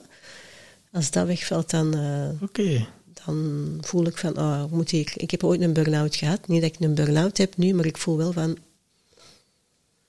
Uh, de vlaggetjes, de rode vlaggetjes staan. Beetje gas terugnemen. Ja, Dus voor jou is sport, ja, als je sport niet hebt, dan, uh, dan zijn het ontregeld. Ik had een mailing klaarstaan nu voor morgen. Uh, ook weer met een vraag over een event. Ik doe uh, 23 februari de High-End Sales Masterclass. Ik heb die wijselijk deze morgen uit de planning gehaald voor morgen, maar dan zou ik weer veel mails krijgen. Ik wist die naar volgende week, dan heb ik iets meer ruimte. Mm. Dus zo ga ik dan wel zien van hè, wat kan, wat kan niet. Um, ja. Ja, dat uh, snap ik helemaal. En ik, ik, snap ook als je. We, vorige keer hebben we het uitgebreid over jouw burn-out gehad. Maar dat je dan nu ook extra waakzaam bent van tot hier en niet verder. Uh, een mailtje niet versturen, dat is één ding, maar wat, wat doe je nog meer om, uh, om daar jouw jouw grenzen te bewaken? Uh, mensen die willen afspreken, uh, ja, zeggen nu niet.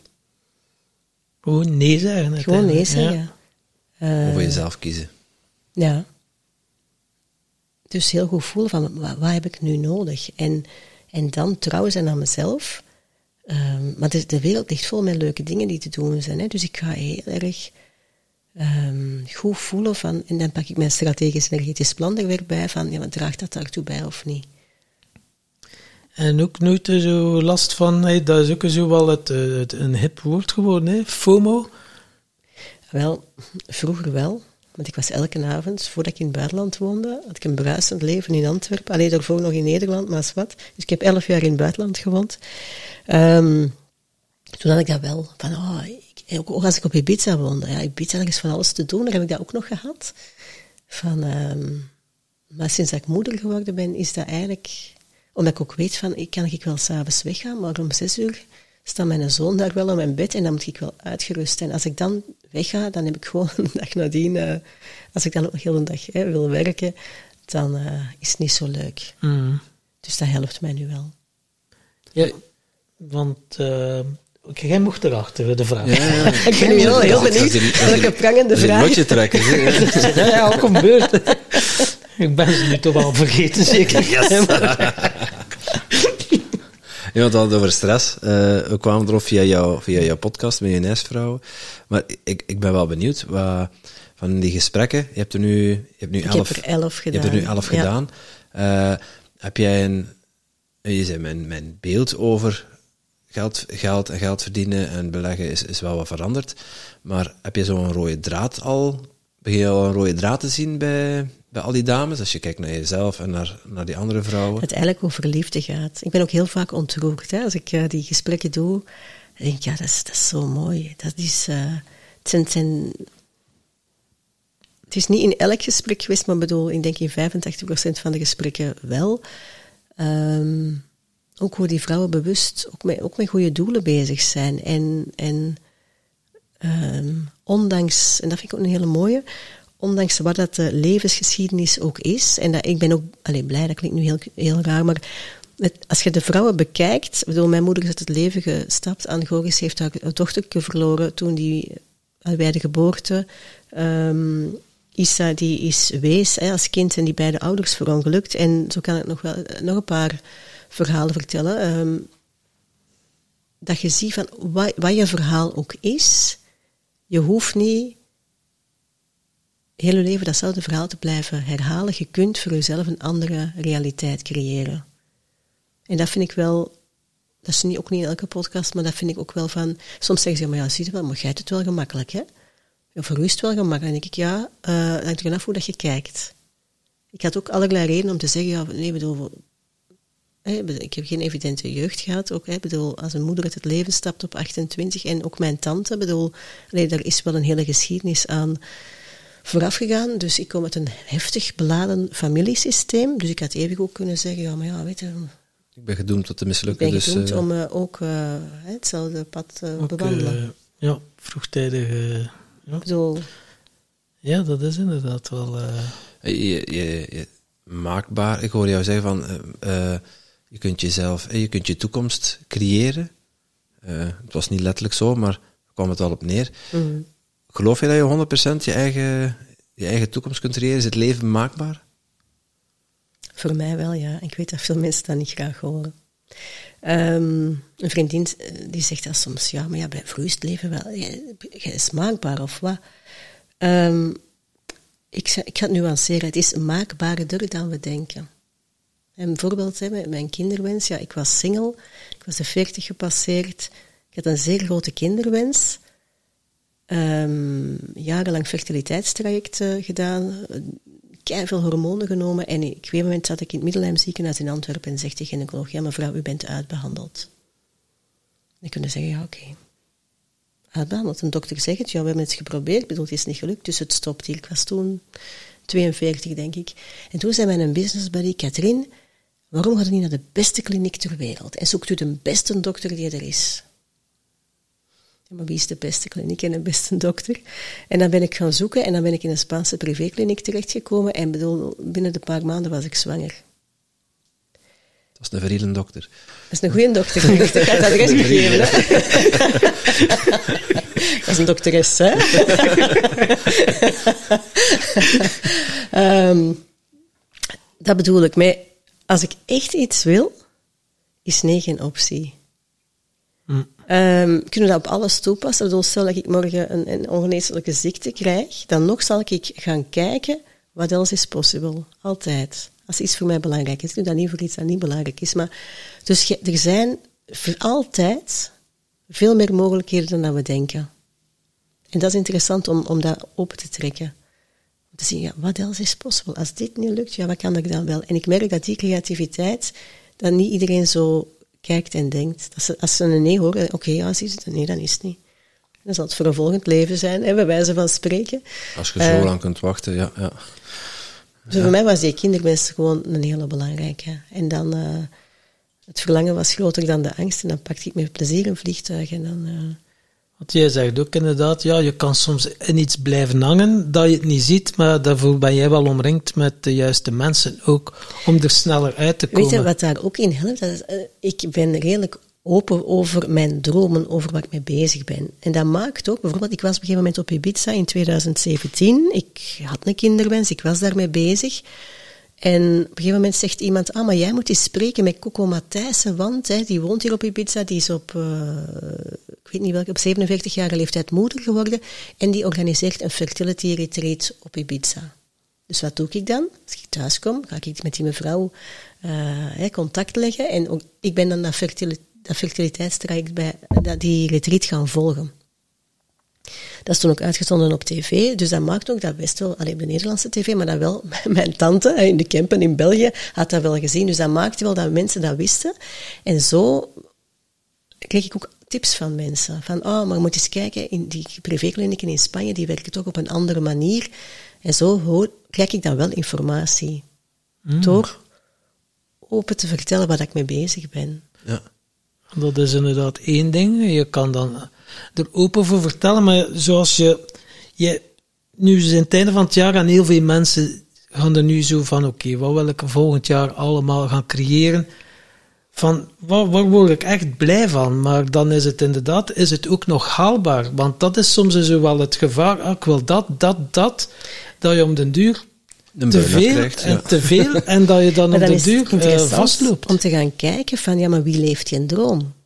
En soms hebben we een bepaald idee van een droom. Een voorbeeld, Adjan van Gils, eh, een goede vriend van mij, is in jullie podcast geweest. En ik kende hem al, hij is Nederlander en in Andalusië woonde. Ik kende hem lang geleden, voordat ik de droom... Nee, ik had toen ook al de droom om in Spanje te gaan wonen, maar ik woonde toen nog in België.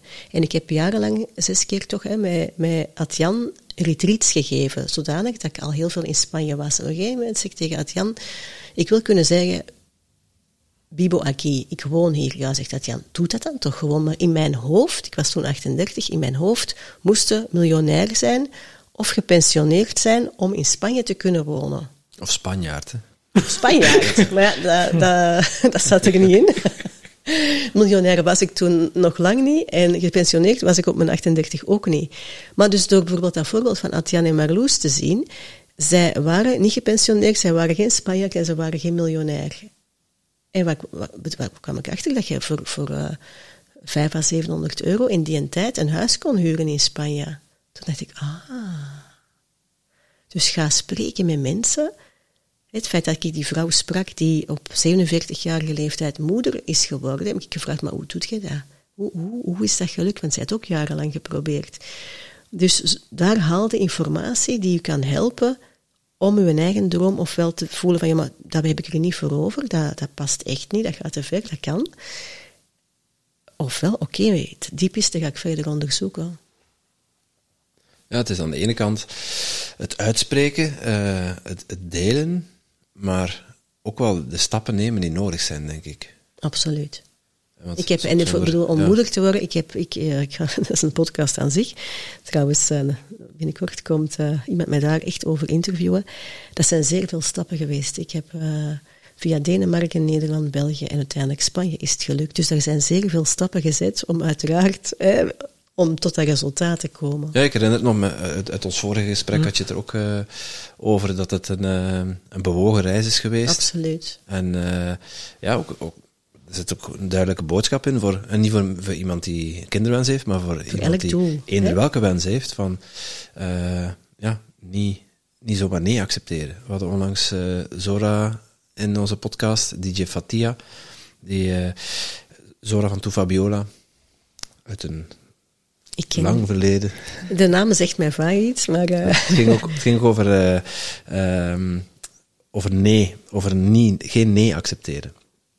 Uh, aan de lijve mogen ondervinden op ons festival, want er was geen DJ-boot aanwezig, dat zij ook alles op alles gezet had om, om dat te manifesteren, dat zij toch haar, uh, haar bijdrage kon leveren toen. Dat, ja, dat je niet zomaar moet opgeven zonder na de eerste kleine tegenslag dat je kunt blijven proberen. Er zijn altijd mogelijkheden. Ja. En dat, is, dat, soms, dat soms zijn belachelijke voorbeelden, maar dat is ook wel een typische eigenschap, denk ik. Je vindt altijd jezelf normaal, maar ooit zeggen, zeiden mensen wel, maar dat is niet standaard. En een voorbeeld, we gingen ooit naar een concert van Tomatito in de Roma. Mijn broer had de kaartjes voor het concert. Mijn nichtje was daarbij, die was toen nog heel klein. En ik wist dat in de Roma geen genummerde plaatsen waren. En zij waren te laat. En zij bel, ik was daar al en ze belde me, ja, we zijn een kwartier later. Ik zeg, goh, maar ik zal al binnen gaan. Dan kan ik hè, vooraan stoelen nemen, want anders gaat dat kind, als hij achteraan zit, gaat hij dat niet zien. Ja, maar zegt hij, dat gaat niet, zei mijn broer, want je, je hebt die ticketjes niet. Ik zeg, wel, dat gaat wel lukken. Ik zeg, ja, ik zal dat wel regelen. Dat is zo'n voorbeeld van, nee is geen optie. En dat is, dat is gelukt. Dus, ja, vertel. Hoe is dat gelukt? Dan, dan doe ik energetisch iets. Allee, ik bedoel, dan is dat, ik voel dat dan als dat voor mij belangrijk is. Hè. Ik bedoel, en dit was voor mij belangrijk, omdat ik mijn nichtje een ongelooflijke... Ze was gek op die muziek. Dus ik wist, voor dat kind is dat belangrijk. Dus voor dat kind doe ik dat. Voor mij maakt het dat niet uit waar ik zat. Dan voel ik hier iets shiften aan mijn zonnevlecht. En dan ga ik met die energie naar die persoon en dan leg ik dat gewoon uit. Zeg, meneer, goh, dat doet zich voor. Ik zeg, zou ik alsjeblieft al binnen mogen? Mijn broer komt met die kaarten. Ja, want mijn nichtje, en, en dan zien ze ook een foto genomen van haar met tomatita. Was dat, voor was dat fantastisch. Dus gewoon vragen. Maar wel hier dingen van, ja, maar nee is geen optie. Ja, ja, ja, ja. En dan blijkbaar straalde dat uit. Maar het moet voor mij belangrijk zijn. Als, als ik niet, als dat niet belangrijk is, dus ik zal dat niet doen voor een huurauto, dat ze zeggen, ja, het is een Volkswagen Polo in plaats van, ik weet niet wat, uh, dat interesseert mij niet, dus dat maakt me dan niet uit. Maar sommige dingen die voor mij wezenlijk van belang zijn, of voor iemand van mijn dierbaren dat ik hen dat gun, ja, dan is 9 optie. En ze had wel kaartjes, hè, Tom? Voordat je. Uh... kaartjes? ja, je broer komt er. Komt ah ja, ja, ja, ja, ja, ja, ja, Ah, wel, voilà, absoluut. Maar ja, die man kon mij even goed niet geloven. Ik kon even goed iemand zijn die. Zeker. Hè, die, die, die zwart. Uh... Uw, intentie, uw intentie is puur en zuiver. En dan... Voilà, het daar hangt ook veel vanaf. Al weten wij ook uit ervaring dat dat niet altijd voldoende is. Dat er dan blijkbaar een les is die nog geleerd mag worden. Ja, Maar- of is het dan echt wel zuiver, hè, de intentie? Eh, dat is een vraag. Dat is een goede vraag. Ja. Ja, ik heb het nu over ons festival. Ik wou net zeggen, Ja, ja. hebben jullie mensen gehad die zonder kaartjes zijn binnengekomen? Dat zou kunnen, ja. Ik heb dat zelf niet meegemaakt. Maar eh, dat, is, dat is goed mogelijk. En er zijn, ik heb er twee betrapt trouwens, ja. Echt? Dat was helemaal oké, hè. Maar die waren over het hek geklommen, ja. Die hoorden muziek op de achtergrond en eh, die zijn over het hek geklommen. Die hadden geen bandje aan. Nee. Maar eh, ja, ook over, over u dat diep van binnen verlangen en daarop mediteren en daarop eh, dat echt in de wereld zetten, eh, biedt nog geen garantie op, op succes. Ehm, Eh, Dat is, tenminste, dat is wat ik heb ervaren. ja, Wat succes, hè? dat, maar wat je dan... Ik bedoel, ik zie dat als een reis. En jullie hebben al ongelooflijke stappen gezet. En dan is het gedurende de reis heel de tijd gaan fine-tunen. Oké, we zijn dan nu tegengekomen. Waar willen we naartoe? En, en wie of wat kan ons helpen om dat op een andere manier te gaan doen? Mhm. Maar ik vind het ongelooflijk dat jullie het pad wel bewandelen. Het is niet dat jullie in een zolderkamertje zitten al vijf jaar en zeggen, oh, we willen in 2024 eens een festival gaan doen. Nee, dat hadden wij toen wij bij jou op bezoek waren nog niet eens kunnen dromen. Jawel, dus ik wil maar zeggen, ja. van het gaat echt bij al die dingen over de reis, er naartoe. En vaak vinden we dat die reis te lang duurt. Hè. Als ik kijk naar mijn fertiliteitstraject, bedoel, ik had dat ook liever op een paar ma- allee, direct bingo gehad. eh, want een vriendin van mij hoorde dat mijn verhaal, ik was dan zwanger. Die zei, oh, maar als dat daar zo gemakkelijk is, dan vlieg ik ook. Ja, en die was... Hè, dus ik gun haar dat absoluut. Hè, dus laat het, ik had dat ook liever gehad. Dat ik direct, oké, kinderwens, heb ik even vliegtuig op en direct zwanger en terug. Ja, ik bedoel... dat- ik heb mensen die dat hier... Ja, dat is mijn antwoord van in beweging zijn en continu bijsturen en omringen met mensen die dat daarin verder staan en u daarin iets kunnen bijbrengen. Dat er ook mensen die zwanger worden zonder dat ze erom gevraagd hebben. Dat kan ook. Ehm, zit daar een podcast aflevering? Laten Ga je een- keer een podcast Ga je een coming doen. out doen? Ik steek dat niet onder stoelen of banken, nee. nee. Mm. Maar eh, dat is al regelmatig een keer gevallen bij ons in de podcast. Mm. Oké, en dat is ook En- weer, en dat is ook weer gaan, gaan Er bijsturen. zat een En, enorm oordeel op bij mij ook. Omdat ik dat... Ja, ik vond het best heftig. Omdat wij geen kinderen wilden. En, en Sophie dan plots zwanger was. Eh, en dat er ook mensen zijn die dat heel graag... Die dat zielsverlangen hebben om dat... Om, iemand, om een kindje op de wereld te zetten. En waarbij het dan niet lukt. Mm. Ja, dat, en effectief niet lukt. Of die dan... Mm. Als het echt, echt, echt niet gaat, dan gaat het niet. Maar eh, ja, goed. eh, neem niet zomaar nee voor een antwoord. Maar ja, als het dan vanzelf gebeurt, eh daar zat ook wel wat tussen, ja. ja. Ik kan me dat voorstellen. Absoluut. Hè, Het is, het is iets met een mega impact. Ik bedoel, ik had dat heel graag gewild en dat heeft een hele grote impact. En ik pak al die gevolgen daarbij die soms niet leuk zijn. Maar ik kan me dat absoluut voorstellen dat dat even schakelen is. Ja, dat is eh en ook in de relatie. Hè? Ja. Ik bedoel, Ja. dat, dat, heeft ook effect op alles. Dus Ja, ik ben nog steeds aan het schakelen, ja. En Maar- ik vind dat we daar ook allemaal eerlijk in mogen zijn, want dat wordt ook allemaal eh, zeer erg verbloemd. Hè? Het ondernemerschap wordt verbloemd, het ouderschap wordt verbloemd. Ja, ja en, en- en het is niet... ehm, ik, ben er, ik ben blij met mijn zoontje. Hè. Ik ben er, en ik ben ook trots op dat hij voor de eerste keer het potje gaat, bijvoorbeeld. Dus eh, dat gevoel is het helemaal, helemaal juist. Maar het is wel uitdagend, het is zwaar. En ik, ja, ik ga me niet inhouden of ik ga dat niet opeens heel leuk vinden, omdat, omdat de buitenwereld vindt dat dat heel leuk is. En dan, ja, dat is goed voor mensen die, die dat gevoel wel hebben.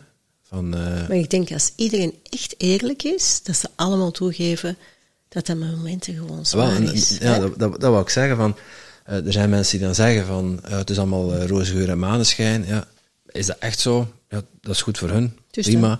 Maar ik heb wel gemerkt, sinds- ik, ik spreek mij dan uit, eh, niet, niet alleen in de podcast, maar ook gewoon daarnaast, dat er wel veel terugkomt. Dat andere mensen dat ook wel voelen, maar dat daar niet over gesproken wordt. Ik had zo na de vakantie, hè, dus wij waren een week op Ibiza geweest. Ik was een appartement gaan verkopen, dus dat was even een zeer pittige om het allemaal in het Spaans is. En al die instanties, van kastje naar de muur, met een kleine van 4,5, die mee naar de notaris moest en naar de bank en, en, en, enzovoort. Dus dat was drie dagen heel heftig, maar dan drie dagen die hadden we toch wel vakantie genomen. En ik was die maandag nadien, ik zet hem af op school. We echt, het, was een, het was een fijne week geweest. Hè. We hadden echt hele mooie momenten gehad. Maar ik dacht, ah, ik mag weer werken. En ik voelde eigenlijk een schuldgevoel dat ik blij was dat het terug normaal ritme was. En ik heb erover gepost en op Instagram een poll gedaan van wie herkent dit? 100 procent.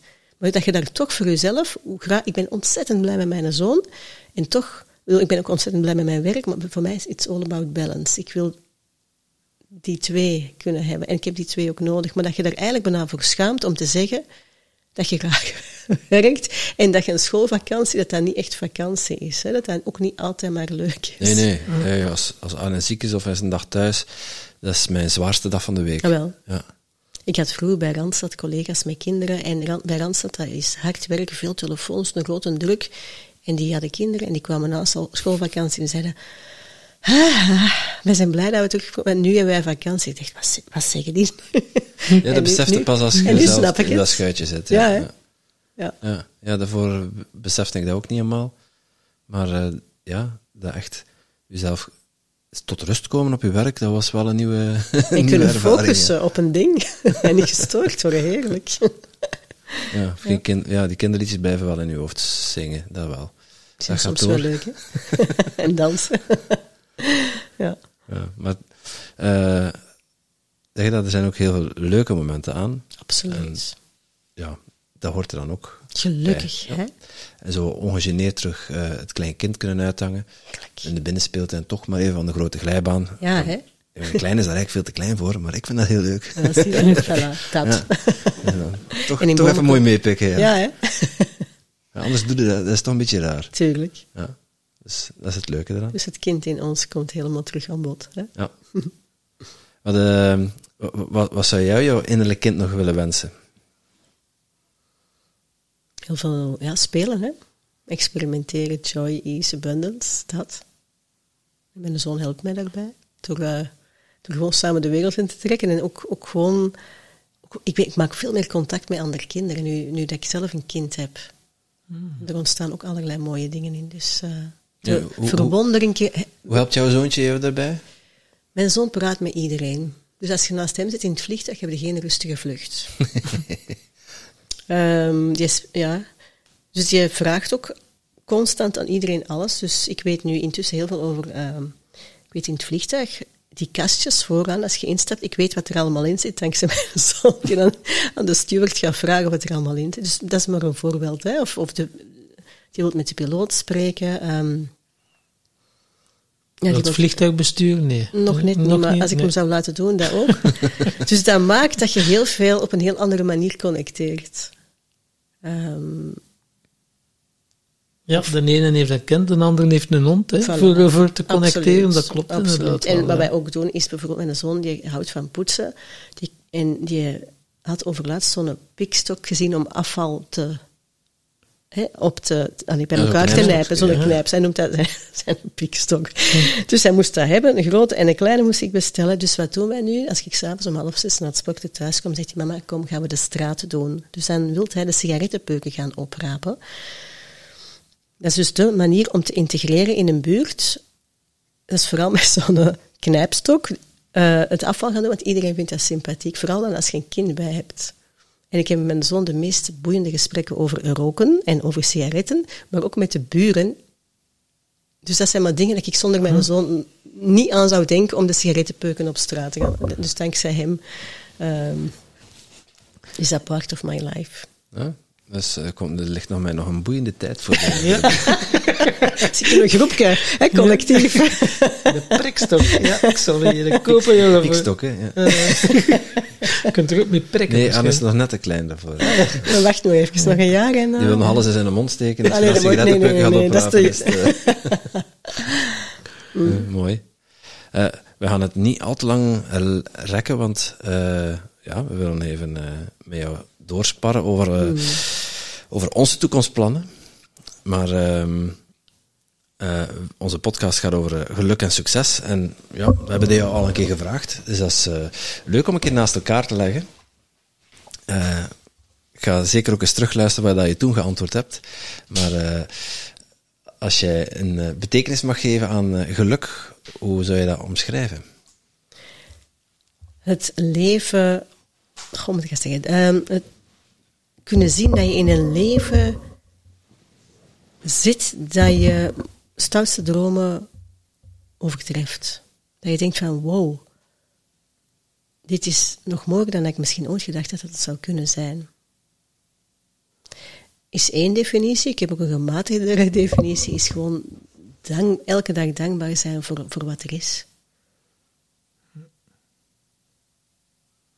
Alle, twee, alle twee prachtig, toch? Ja. Ja.